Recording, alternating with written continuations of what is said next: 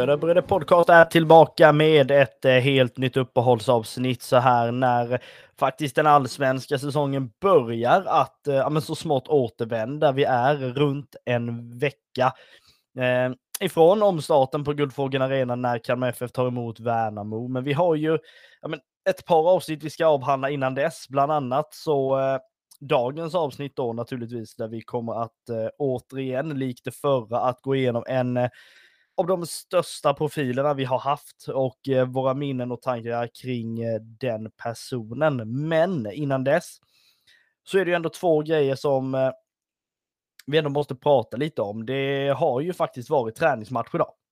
Nej, men som vi vet så är ju Kalmar FF på ett träningsläger i Österrike eh, och eh, då ska det ju spelas en match också eh, och det gjordes ju mot ett eh, österrikiskt motstånd eh, och ehm, vad jag förstod, jag har inte sett matchen, eh, men eh, kommer att göra det här i efterhand.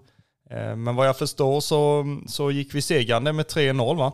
Ja, nej, men det gjorde vi ju. Alltså grejen är väl så här när man ja, dels är på träningsläge, liksom benen skall ju luftas som det heter, men Samtidigt är det väl så, jag vet inte, man kan ju inte dra superstora växlar av det heller med tanke på att det var väldigt B-betonat man ställde upp. Um, och så vidare. Eh, sådär. Men någonting som ändå var i, i den här matchen var ju att, eh, alltså, det här är ju någonting vi har diskuterat under flera avsnitt med att, tunn, att truppen är fruktansvärt tunn. Och till denna matchen var den ju extra tunn med tanke på att Rasmus Elm fick gå in och spela för en gångs skull. Ja, eh, det är ju som eh, Rydström och de har sagt så, så ska det ju in ja, tre, fyra spelare för att eh, bredda den här truppen. Och det är det kommer det väl att eh, göra när transferfönstret öppnar den 15 juli. Eh, så att under tiden där så eh, spelar man ju med det materialet man har.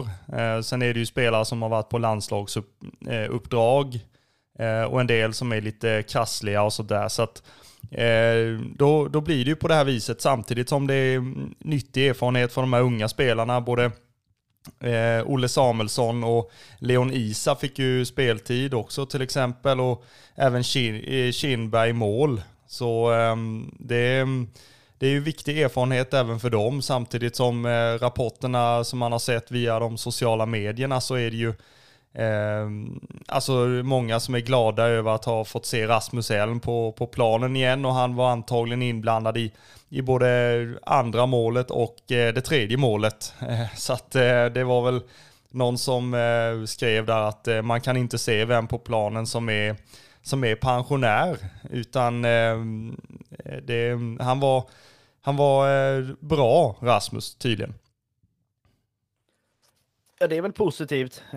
Alltså dels för han själv att han liksom ändå håller, men sen vet jag inte hur positivt det är att Alltså att liksom en spelare som ändå har lagt skorna på hyllan så enkelt kan gå in och ta en plats. Liksom. Sen fattar jag väl det också att man är på träningsläger, man har inte med sig hela, ja men, eh, man har inte med sig allt och alla som det heter. Men eh, så där kan man väl få göra liksom den här lösningen. Men jag tror ju också det att det är ju liksom bara jag vet inte vad jag ska säga, i, mi, i mina ögon och i mina öron så både ser det och låter det väldigt, väldigt alltså underligt när det då är återigen så att truppen är så pass tunn. Sen är det ju bra att liksom det ska in fler spelare, men att liksom ha den så pass tunna truppen, alltså det är ju inte bara liksom oroväckande för en säsong som eh, inte ens är halvvägs gången. Samtidigt är det ju ganska så oroväckande om man nu på något sätt har förväntat sig Europaspel under, eh, om ett par år.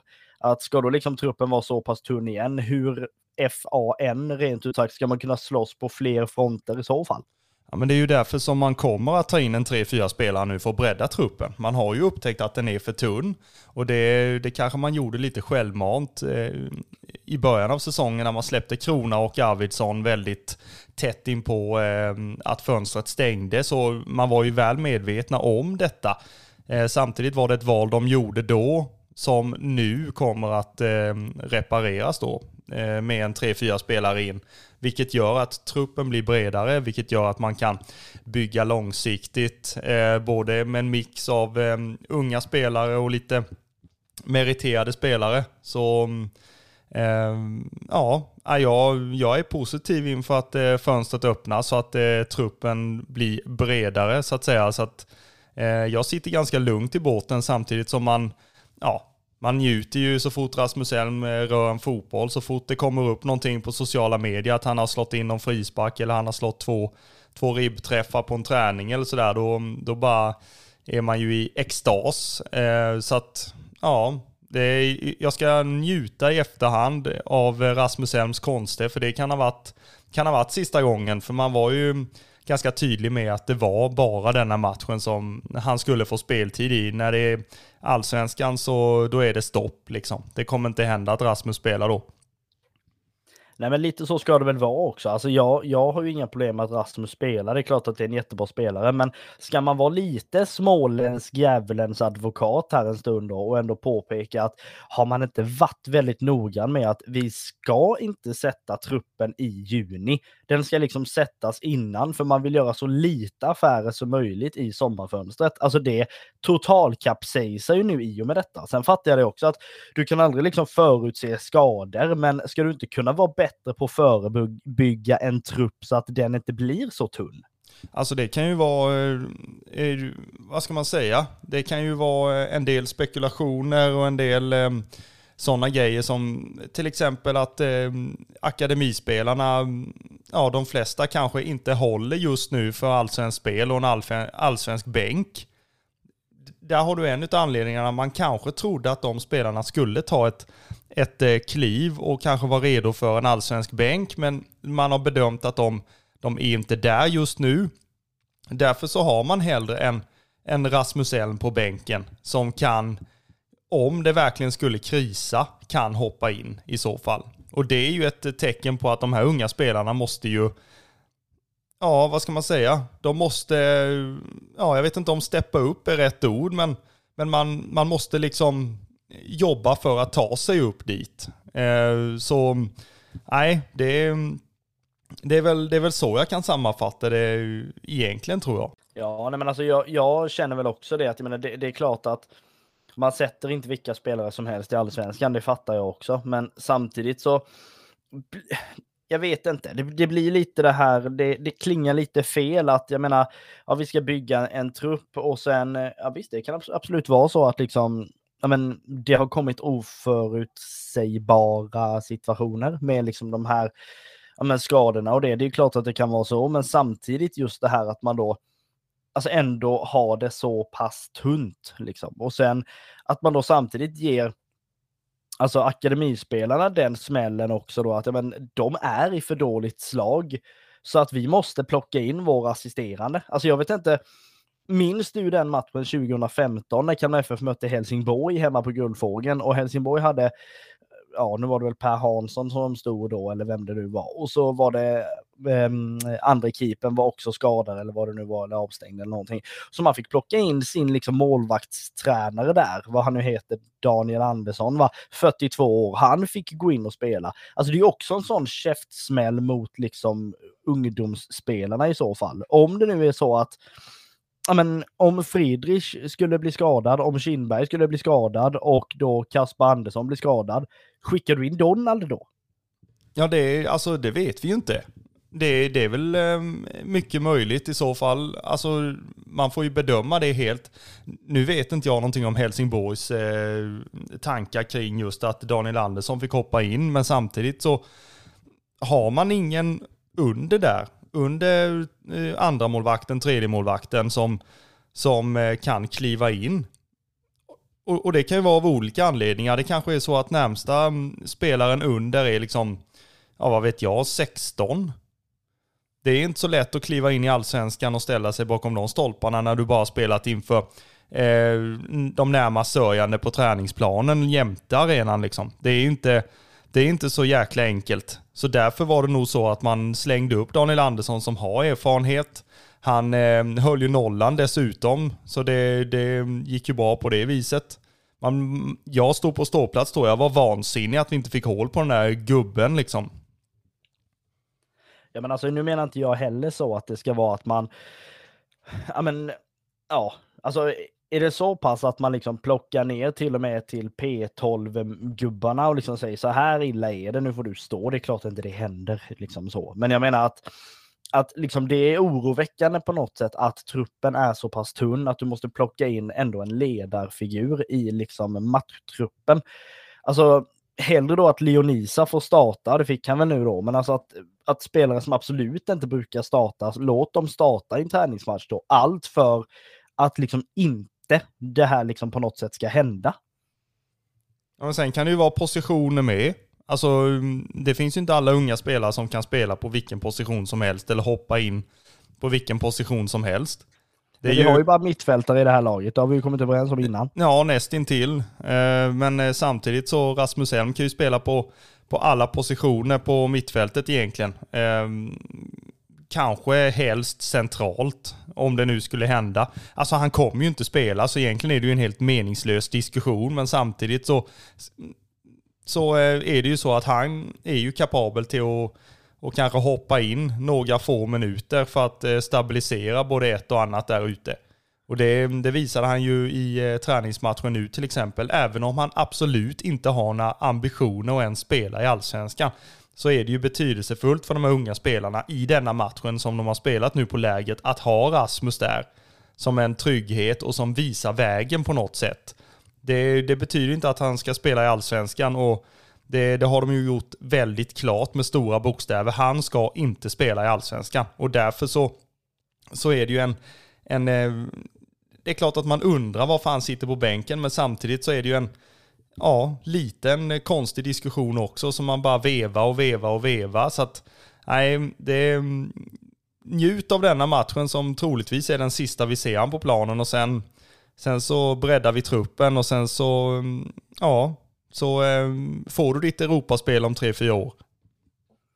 Jag kan ju bara tycka att det blir liksom, det, det klingar jättedåligt att man säger inte bara till liksom, men, säg det U17, U19 vad det nu är. Man säger inte bara till dem, du är för dålig för att starta matchen, utan du, de säger också, du är för jävla dålig för att ens sitta på stolen, för där ska Rasmus Elm sitta. Liksom. Om det nu är så att han inte ska in och spela, då sitter han ju bara och tar en stol som jag tycker är helt i onödan om jag nu ska vara sån. Men sen är det klart, det är alltid roligt att se han spela, även om liksom det klingar på något sätt alltid lite illa i mina öron att man i så fall hellre väljer att sätta honom på bänken än att sätta någon av de yngre spelarna på bänken. Men så kan det vara. Men då kan eh. vi ta något positivt istället då. Pappa Diouf startade ju. ja, det gjorde han ju. Ja, hur, hur, ser du på det då? Där är återigen det här med att i så fall plocka hem folk. Alltså, jag har inga problem. Pappa Diouf var en av mina absoluta favoritspelare de åren han spelade. Jag blev rosenrasande när han väl flyttade. Det är inte det. Men Nej, det, det märks inte just nu. Men vi har ju för fan inte pratat om Pappa Diouf, vi har ju pratat om Rasmus Elm. Jävla nolla. Ja, men han kan ju inte bli arg på heller. Älskar Rasmus Elm. Men, ja. eh, men eh, prata om Pappa Diouf nu då. Han är ju eh, en startande anfallare i, i FF, i alla fall idag ja, men jag hade inte haft några problem att man plockar hem honom, men problemet är ju att jag vet inte, det, det är väl lite det där, jag är lite halvallergisk, dels mot pollen så in i helvete, men samtidigt är jag allergisk mot att man plockar hem alltså spelare som har varit skitbra innan för att de sen Ja, men man tror sen att de ska vara bra. Jag vet inte om Kalmar har lyckats jättebra de senaste åren. Liksom. Visst, nu är det väl ja, men Victor Elm, David Elm som ändå funkade. Rasmus spelade ju inte supermycket mer än när han, när han väl gjorde det var det ju jättebra. Men just den här Alltså det var ju ett jävla liv när Cesar Santin skulle komma hem och det blev ju pompa och ståt och det ena och det andra gick ju inte alls bra. Jag är lite så här halvallergisk mot om man ska plocka hem folk som man har skeppat en gång och då kan det också vara så, men har du skickat någon spelare som ändå är det är bra ålder, visar fortfarande att han är i fin form, då har jag inga problem med det. Men att liksom plocka hem en spelare att ja, men han var med och gjorde detta för jättemånga år sedan, nu är han tillbaka, gör ingenting, är liksom inte särskilt bra egentligen, men vi plockar hem honom för att.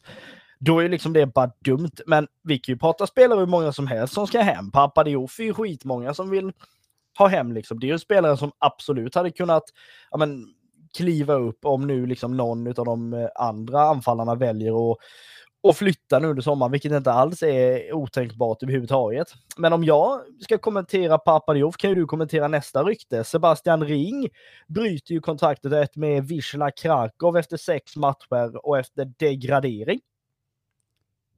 Är det ett rykte till Kalmar FF eller? Nej, men alltså, alltså rykte är väl, alltså, det är väl alltid ett rykte om, om spelare väljer att bryta kontrakt. Det går ju alla medier ut med egentligen, att men nu är han tillgänglig, sen kanske de inte är det. Men jag menar, han har ju oavsett brutit kontraktet, lämnade Kalmar för inte jättelänge sedan för att spela i, i Polen, blev ju inte nu så länge. Och sen, han, det är väl säkert någon sån här klausul i det här kontraktet med att men, degraderas man så får ju alla hälsa hem och gå, känns det som. Och jag menar, Alltså hur, nu är väl liksom ändå, han kan ju spela mittfältare.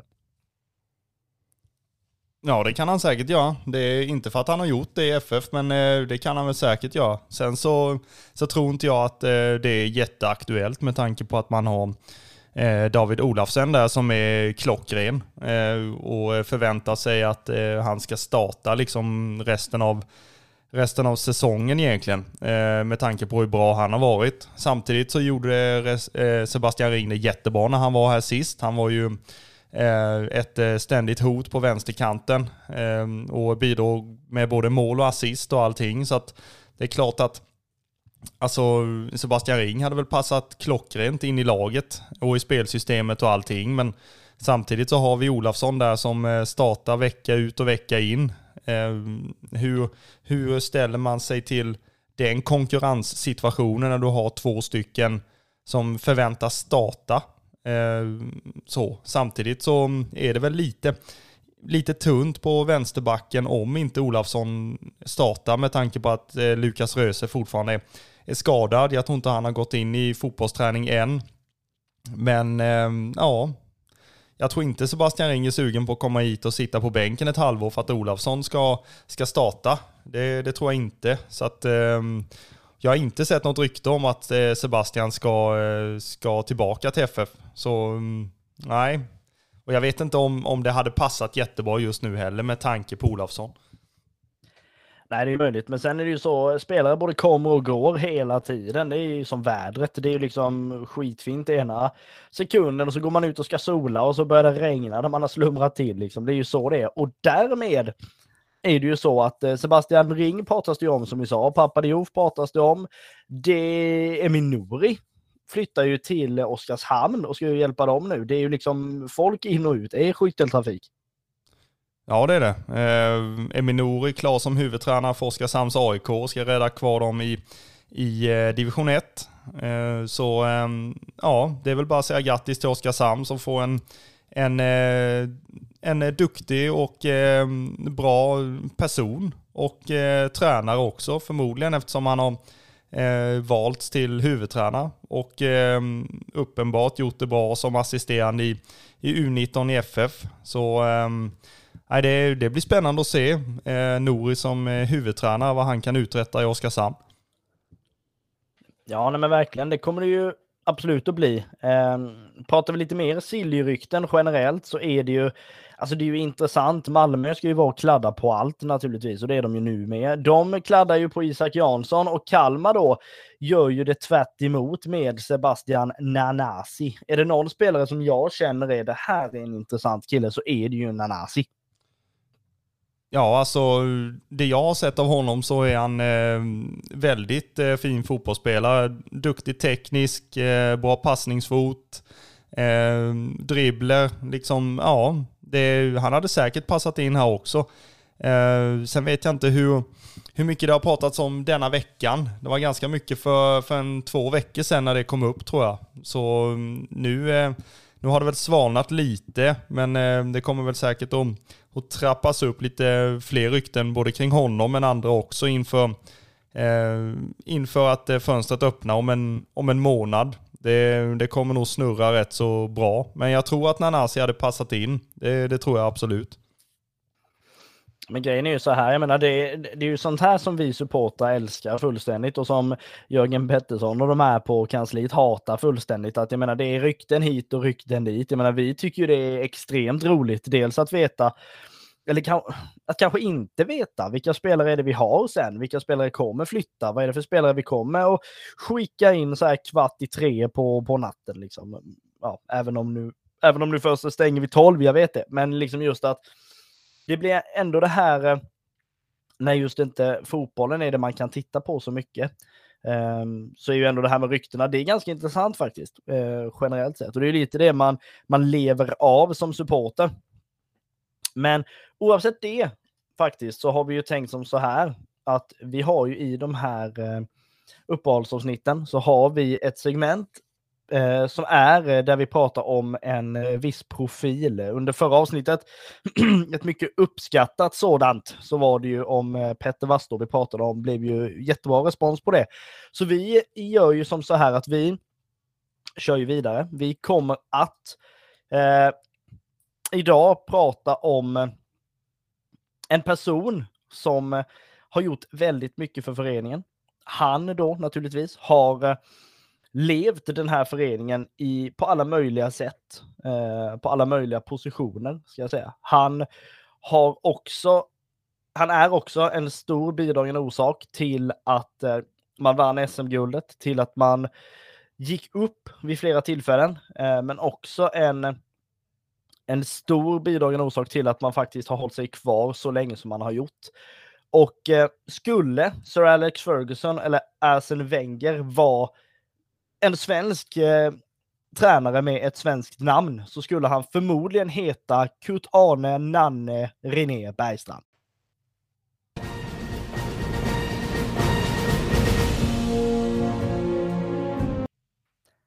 Röda Bröder har ett samarbete ihop med grabbarna borta på Local Legends. De här trycker ju tröjor för ja, men, olika sorters legender som de tycker förtjänar sådana. De trycker framförallt tröjor till Kalmar FF eh, Ehm, ja, men legender och profiler som har spelat i den rödvita tröjan innan. Och är det så att du köper en Kalmar FF-produkt av Local Legends så går faktiskt en stor del oavkortat till Röda Bröder Podcast som gör att vi kan fortsätta med det vi gör. Eh, vilket är jätteroligt och jättetrevligt naturligtvis. Vi säger tack så mycket till grabbarna på Local Legends. Eh, fortsätt jobba!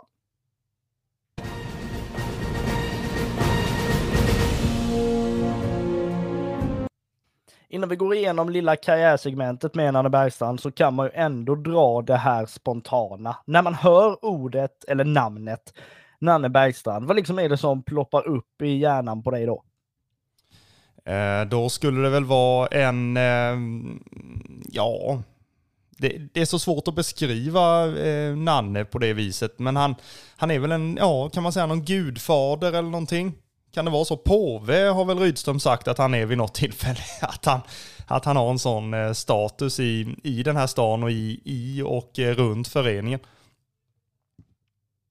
Ja, nej, men det kan man ju väl verkligen säga. Eh, om vi pratar påve så kan man väl säga, han säger ju ett och annat som man kan undra var kommer egentligen detta ifrån? Eh, och hur jävla smart var inte det sagt liksom? Kan man ju verkligen fundera på. Eh, Karriärsegmentet generellt börjar väl med att han är född 1956 i Markaryd. Hans första tränuppdrag var faktiskt i Traryds IF som han kombinerade med att vara spelare i Markaryd. Eh, han blev ju sen enbart tränare eh, i Markaryd i mitten av 80-talet. Han var ju en eh, spelare i Kalmar FF eh, som bland annat spelade cupfinal och så vidare och gjorde mål och så vidare då eh, under namnet Kurt Arne Bergstrand. Eh, han blev ju sen tränare i eh, faktiskt Traryds IF. Eh, som han då kombinerade med att vara spelare i Markaryds IF. Bara det är ju en rolig grej. Han blev sen enbart tränare i mitten av 80-talet och blev ju även eh, tränare i Växjö norra eh, 92 till 93. Han gjorde ju sen en eh, liten eh, sejour i Växjö där eh, fram till säsongen 96. Eh, då han också hade varit tränare för Öster under, två, eh, under tre säsonger. Sen blev det ju lite trippet till, det blev Oddevold och hej och hå där under en liten avstickare. Men sen hamnade han i Kalmar FF 1998. Ja, det stämmer ju. Eh, och eh, det var ju eh, första säsongen som han eh, tränade Kalmar FF. Eh, och det blev ju en eh, uppflyttning till allsvenskan eh, omgående. Eh, och det var ju första gången sedan 1987 som eh, Kalmar FF skulle spela i allsvenskan. Eh, det blev väl en eh, bra start eh, för både KFF och Nanne ända tills Helsingborg gick ut med att man ville ha Nanne och fick honom också till den kommande säsongen 2000 då. Det här gjorde ju att resultaten dippade och man tog bara fem poäng under hösten och åkte senare ur allsvenskan genom ett, ett kval mot Gais. Ehm, där eh, var, hade han väl inte speciellt mycket pluspoäng under den perioden. Men även om Kalmar sen då gick ner och spelade i eh, ja, men då, eh, det som ja, men var division 1 eh, fortfarande. Det blev ju superettan där allt eftersom ändå, men eh, Nanne fick en ganska bra start i Helsingborg, ledde ju laget till en andra plats i allsvenskan eh, och eh, tog ju laget till gruppspel i Champions League, bland annat genom en seger mot Inter på San Siro. Han har ju berättat också att eh, under den här matchen så spelar ju Helsingborg fruktansvärt bra samtidigt då som publiken de tror ju att det ska hända någonting när de väl ska lämna planen eftersom att inte publiken är väldigt, väldigt passionerade. Det blir ju dock inte så, utan när de väl liksom matchen är slut så applåderas Helsingborg. Eh, med all rätt kan jag absolut tycka. Eh, dock under säsongen 2001 så gick det väldigt mycket tyngre och han fick lämna mitt under eh, säsongen faktiskt. Eh, han gjorde inte särskilt mycket där under liksom slutet där och under säsongen 2002. Eh, I podden bland annat, eh, bland annat When We Were Kings ihop med eh, Erik Niva bland annat så eh, pratas det ju mycket om att han eh, han åkte runt mycket, tittade på fotboll. Han läste mycket om mental träning och så vidare just för att han kände väldigt mycket att det vi har tränat på hittills är det som är från axlarna och neråt i fotbollen. Vi har inte tränat särskilt mycket på den mentala biten överhuvudtaget. Eh, vilket han då kände att det här är någonting jag vill ta in i mitt nästa tränaruppdrag. Vilket sen då blev. Kalmar FF var återigen i Allsvenskan 2002. Eh, det gick åt skogen fullständigt. Conny Karlsson vevar och det ena och det andra. Vilket gör att eh, Kalmar FF till slut går ut med i slutet av säsongen 2002 att eh, till omstarten i Superettan kommer Nanne Bergstrand att göra en eh, återkomst. Ehm, han tar ju då med sig två stycken spelare i eh, Daniel Mendes och Dudu, de här två brasilianerna.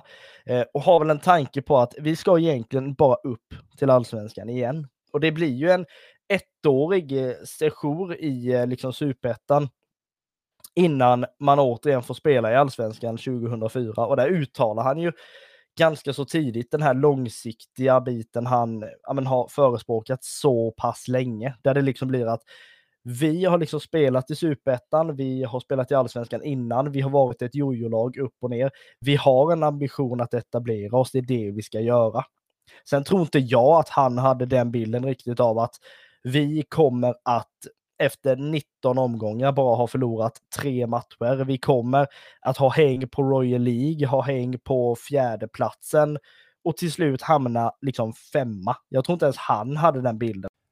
Nej men det var väl ingen som eh, hade förväntat sig det. Eh, det enda man var glad och tacksam över var ju att man eh, klarade allsvenska kontraktet så man fick spela ytterligare en säsong i allsvenskan. Sen att man, ja som sagt var ett ett topplag redan under den första säsongen. Det var ju en, en ren bonus alltså. Och komma femma i, i, i sluttabellen, det, det var ju en Ja, alltså sammanfattar man den säsongen så var det ju helt magiskt. Eh, man fick njuta av väldigt fin fotboll, eh, fin inramning med mycket publik. Eh, som man kanske inte hade gjort innan. så nej, det var 2004 kommer jag ihåg som en väldigt, väldigt rolig säsong.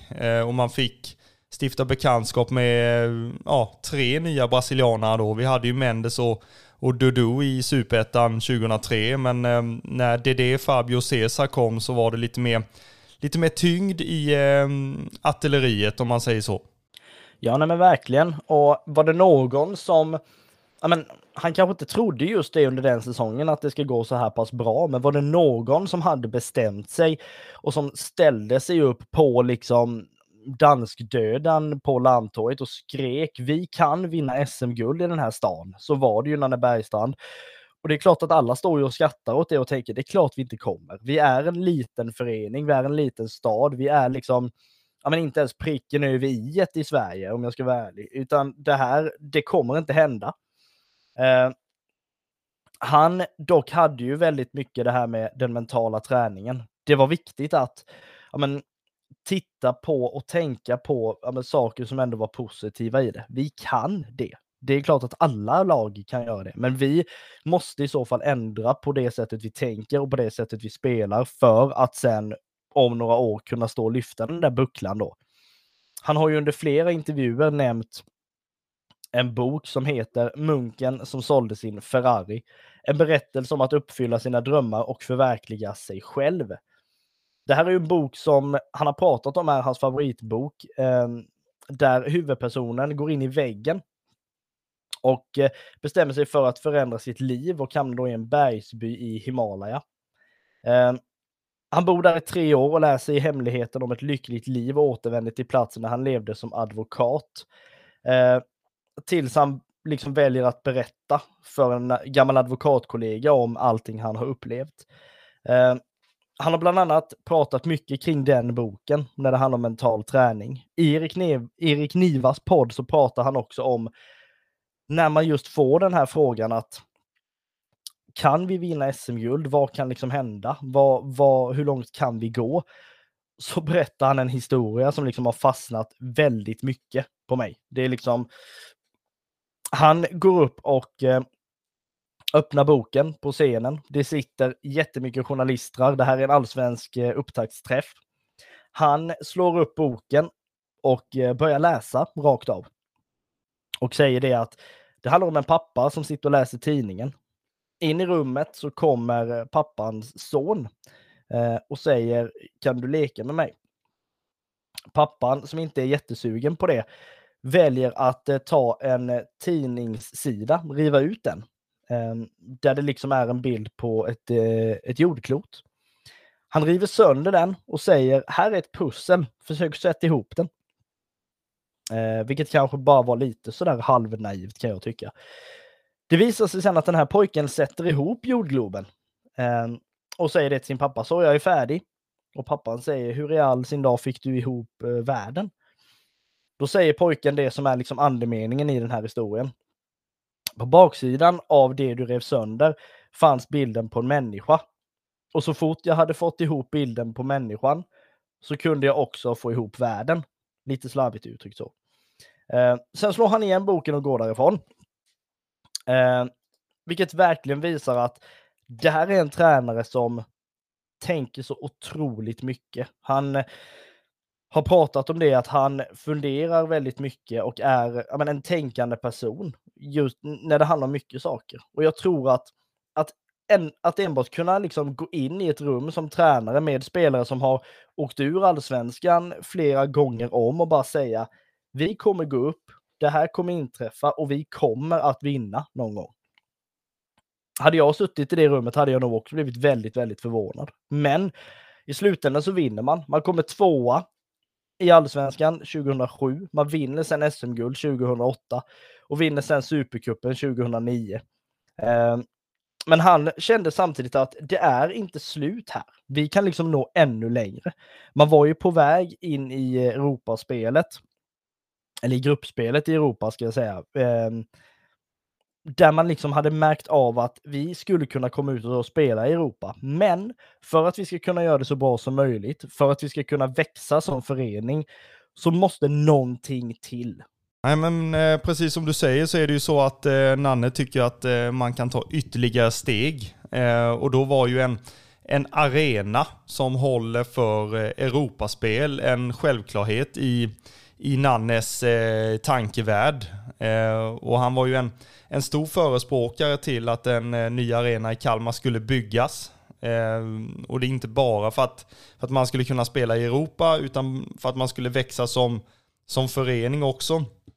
Eh, och kunna konkurrera med storklubbarna i och med att man, man var där uppe i, i toppen av tabellen år efter år. Eh, och sen skulle det kunna vara skönt också att slippa låna arenor när man ska spela Europaspel. Eh, som till exempel Borås Arena, att det ska vara en, en hemmaplan. Eh, det var ju lite tråkigt på det viset. Eh, men det fanns ju motståndare till detta eh, arenabygget. Eh, och till dem så, så säger ju Nanne ett eh, citat som ehm, eh, grabbarna på Local Legends till exempel har tagit eh, fasta på och eh, gjort en tröja med Nanne på framsidan. Eh, där det står att eh, när den vise pekar på månen så tittar den enfaldige på fingret. Eh, och det är ju, ja, det är väldigt typiskt Nanne Bergstrand eh, Eh, att eh, komma med, med citat och lite tankevärda saker som får människor att, att fundera lite så här, ja, är det så det kan vara eller så? Så ehm, eh, han har ju, Nanne har ju inte bara fått sig själv att tänka, han har ju fått andra också att, att tänka eh, genom sina citat. Jag vet inte hur många presskonferenser man har sett som eh, ehm, som Nanne har eh, levererat eh, sköna citat eh, som man kanske inte förstod direkt, men som man efter ett tag, efter lite tankeverksamhet, kanske fattade. Var det så här Nanne menade? Okej, okay, så då, ehm, då förstår man. Men det var nog lite tanke med det, att folk inte skulle förstå med en gång, utan man skulle vara tvungen att tänka för att, för att förstå helt enkelt. Ja, nej, men lite så. Eh, och man kunde ju uppleva Nanne Bergstrand som väldigt kritisk vid varje, liksom, man kunde ha vunnit med, ja, men med många mål och sådär och ändå var det liksom inte tillräckligt. Eh, eller sådär, han uttryckte ju bland annat när man hade vunnit mot Ljungskile där 2008 och liksom spelat ut dem fullständigt att ja, men vad tycker du om prestationen egentligen? Ja, men det ser ut som att halva laget behöver gå på teknikskola, berättar han då när han liksom får frågan till nästa säsong, vad är det för eh, positioner vi måste förbättra till nästa säsong för att kunna bli ännu bättre? Alla, säger han då. Det är liksom inte så att han är nöjd på något sätt överhuvudtaget, men han är ju, men enligt mig, Sveriges svar på Arsene Wenger eller Sir Alex Ferguson. Det här är en tränare som har varit under väldigt, väldigt många år. Ehm, under tio år var han i Kalmar FF innan det i slutet av 2013 aviserades att eh, Bergstrand skulle lämna. Tillsammans med Henrik Rydström så tackades han ju av i samband med sista hemmamatchen mot Mjällby. Och där var väl egentligen det att man trodde väl att det här blir sista gången vi ser de här två. Ja, absolut. Eh, och det, det var verkligen känslan eh, där och då. Eh, sen så stannade ju Rydström kvar i, i föreningen som eh, både U17 och eh, U19-tränare. Eh, så att han, han behöll vi ju. Men eh, Nanne Bergstrand eh, vill ju ha en, en ny utmaning och eh, då såg han den utmaningen i, i eh, Södermalms stolthet Hammarby eh, och skulle vara med och, och bygga någonting där och ta upp dem till allsvenskan och etablera och sen såg han ju en, en, en, vad heter det, inte ambition men han såg en potential i, i den föreningen att eh, med tanke på alla deras supportrar eh, och allting runt omkring den föreningen så, så skulle man kunna bli ett topplag i allsvenskan och kunna spela Europaspel. Eh, så det var ju den utmaningen han såg i, i Hammarby när han anställdes där inför säsongen 2014.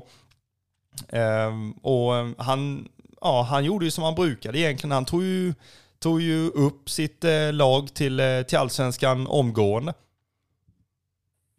Ja, men det gjorde han ju. Eh, det var ju idel storsegrar nästan under den här säsongen och han startade ju hela säsongen med ett stort teoripass. De kollade på tysk fotboll i Hammarby. Han ja, men, sa, egentligen sparkade upp väldigt ja, men öppna dörrar egentligen. Där liksom, ja, men för att kunna vinna fotbollsmatcher måste vi vara bättre än våra motståndare på allt det fotbollen handlar om. Det är ju jävligt logiskt egentligen. Men liksom just att det var så pass enkelt. Eh, och att liksom då kunna att bara kunna liksom ta upp ett lag som Hammarby och sen kunna liksom ja, men, få dem att etablera sig ganska så omgående. Det var ju någonting han hade gjort innan och eh, också någonting han liksom kände att han, han ville. Han ville antingen ut till en förening eller en klubb som kunde spela Champions League igen. Eh, just att han skulle få uppleva det. Eller att bygga upp någonting igen som han gjorde i Kalmar. Eh, sen är det ju dock så här att han stannar i Hammarby fram till och med säsongen 2016 då han får lämna klubben efter säsongen. Han hade väl gjort sitt, kan man ju tycka lite. Sen är det väl också så att Hammarby är en förening som, alltså tränarbyten behövs nästan lite sådär med tanke på att de är aldrig nöjda heller liksom. Du, du kan inte vara där för länge. Och eh, efter då åtta spelade omgångar av Allsvenskan 2017 så lämnar ju Peter Svärd eh, Kalmar FF. Och när Bergstrand återvänder då för sin tredje session, här hade det ju gått eh, aningen knackigt, vilket då gjorde att uppdrag nummer ett är att rädda kvar föreningen. Nej, men som du säger så, så fick ju Nanne eh, lämna Hammarby eh, efter säsongen 2016. Eh, vi i Kalmar FF eh, låg ju ganska risigt till eh, under säsongen 2017, i alla fall efter 12 spelade omgångar. Eh, där vi låg på eh, kvalplats. Eh, jag tror vi har ungefär åtta inspelade poäng eller något sånt där. och då så får Peter Svärd lämna föreningen Eh, och eh, Nanne Bergstrand får återvända för en eh, tredje session i föreningen. Det självklara uppdraget var ju att rädda kvar föreningen i allsvenskan. Och det såg väl inte speciellt ljust ut direkt när han kom, men man visste ju att han, han var duktig på att bygga någonting med, med små medel och han ja, var duktig på att få ut maximalt av laget. Och det, det gjorde han ju också. Eh, och han räddade kvar eh, föreningen i allsvenskan. Eh, och eh, ja, var ju hyllad och, och allt möjligt. Eh, sen under säsongen 2018 eh, var väl ett ganska tråkigt år för Nanne. han blev sjukskriven för utmattningsdepression och ersattes av Henrik Rydström som då var assisterande.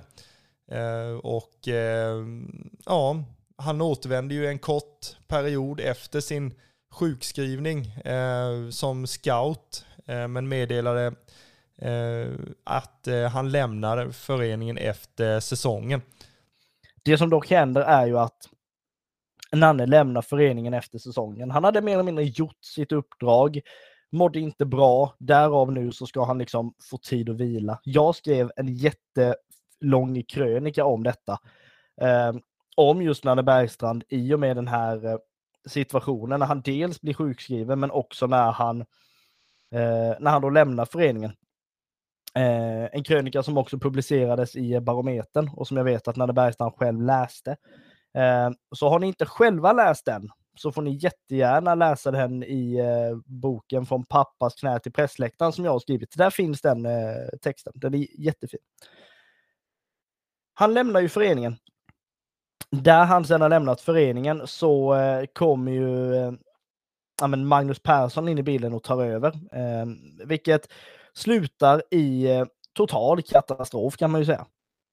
Ja, eh, det kan man verkligen säga. Eh, den säsongen 2019 blev ju inte som, som varken föreningen eller supportrarna eller spelarna heller kanske önskade.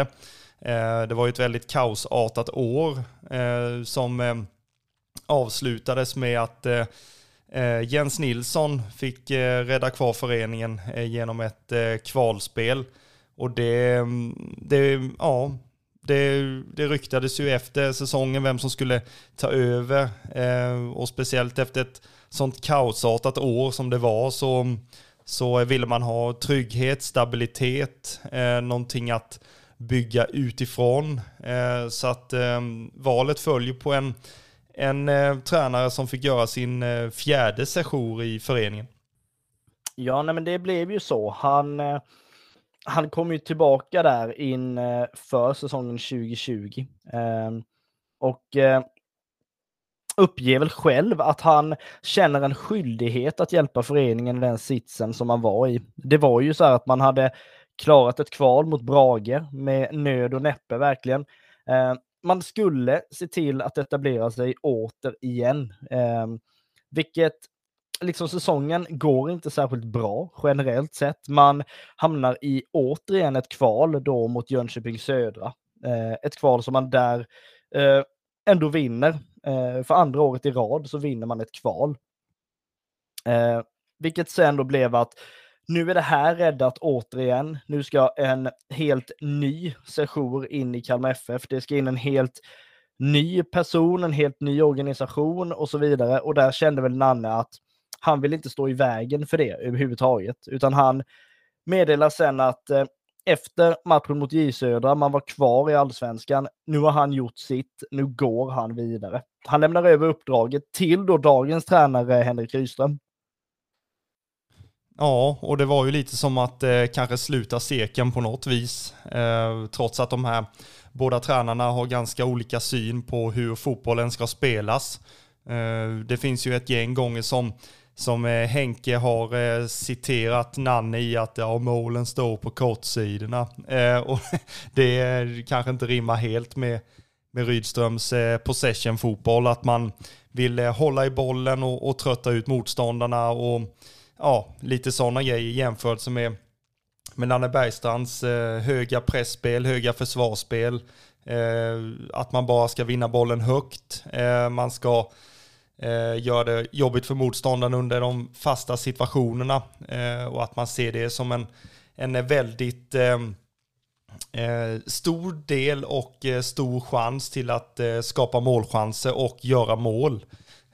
och det var väl det som det handlade om egentligen eh, 2020, att man eh, satsade på de fasta situationerna och eh, för att man såg att på det viset så, så kan vi få in ett par enkla mål om vi är bra i, i det offensiva straffområdet. Så ehm, nej, eh, det är en, en cirkel som, som sluts på ett sätt att ehm, eh, arvtagaren fick eh, heta Henrik Rydström. Ja, nej men så är det ju. Och eh, för att knyta ihop säcken kring eh, Nanne Bergstrand så är det ju så att eh, han eh, är ju idag expert på Radiosporten. Eh, bland annat, eh, jag såg honom senaste gången jag såg honom så var det faktiskt på Vippen i, eh, på Guldfågeln Arena där han satt och verkade ha det trevligt ändå. Eh, det är ju också så här att jag fick äran faktiskt att låta en av mina böcker bli Nanne Bergstrands. Han efterfrågade faktiskt den Ehm, att han ville ha den och eh, har vi en signerad bok av Nanne Bergstrand hemma så är det klart att eh, Nanne ska ha en bok av, av mig som supporter naturligtvis. Så det var absolut inga konstigheter. Eh, går vi igenom lite snabbt generellt kring Nanne Bergstrand. Föreningar som spelare, det är Markaryd, det är Halmstad och det är Kalmar FF. Som tränare, Traryd, Markaryd, Växjö Norra, Öster, Oddevold, Kalmar FF gånger då fyra. Helsingborg och även Hammarby. Hans meriter är ju framförallt då Svenska cupen 2007, SM-guld 2008 och Supercupen 2009. Även har han ju varit extremt nära på att men, komma in i Uefa-cupens gruppspel under säsongen 2007. Samtidigt, eh, eller 2008 ska jag säga, samtidigt var det ju så här att han eh, då spelade Champions League med eh, Helsingborg. Så att det här är ju en spelare med, ex, eller en tränare med extrema meriter. Ja, det kan man verkligen säga. Eh, läser man till de här, eh, både meriterna som tränare men också de individuella meriterna så är det ju en, en eh, gedigen lista. Eh, och för att inte tala om alla gånger som han har tagit upp lag från, eh, från eh, superettan upp till allsvenskan och etablerat dem. Eh, så att det är ju också meriter som kanske inte syns så här nedskrivet. Ehm, ja, alltså det, de individuella meriterna kan vi ju ta också när vi ändå är igång. Han blev ju årets ledare 2008 i och med SM-guldet. Han blev årets tränare 2008. Eh, tidningarnas eh, telegrambyrås eh, idrottsledarpris eh, 2008. Eh, och efter SM-guldet, eh, det var väldigt mycket priser runt SM-guldet, det är ju inte så konstigt, men ehm, så fick han ju en gata uppkallad efter sig i, i Kalmar, eh, Nanne Bergstrands gata. Ehm, det var ju lite diskussioner var man skulle sätta den här gatan. Ehm, och det, till slut så föll det ju så att man satte den på den här grusvägen som går ner till, till gasten eh, från eh, ja, bilvägen helt enkelt ner till, ner till gasten. Eh, där så eh, är Nanne Bergstrands gata. Eh, och att den finns i närheten av eh, Guldfågeln Arena är väl, inte, är väl inte helt fel. Nej, men det är det ju verkligen inte. Eh, var ska sleven vara om inte mitt i grytan som det heter? Så att det att hans eh, namn ska pryda eh, området kring Guldfågeln är ju inte särskilt eh, otänkbart överhuvudtaget. Någonting som eh, dock eh, saknas i mina ögon så är det ju en staty utanför Guldfågeln. Ja, alltså det hade inte varit konstigt. Eh, frågar du Nanne själv så, så vet jag väl inte om då kanske han tycker att den här gatan räcker gott och väl och det kanske många andra tycker också. Men eh, eh, ja, alltså jag, jag säger ju absolut inte emot dig. Eh, det gör jag inte. Eh, jag har ju väldigt fina, fina minnen av, av Nanne. Eh, allra helst alla presskonferenser som, är, som har varit underhållande. Ehm, alla tv-intervjuer, alla gånger som man har träffat honom med autografblocket. Ehm, det var ju likadant som med Petter. Han, det var ju många gånger som vi var bland de första som, som Nanne träffade inför en match, så på parkeringen.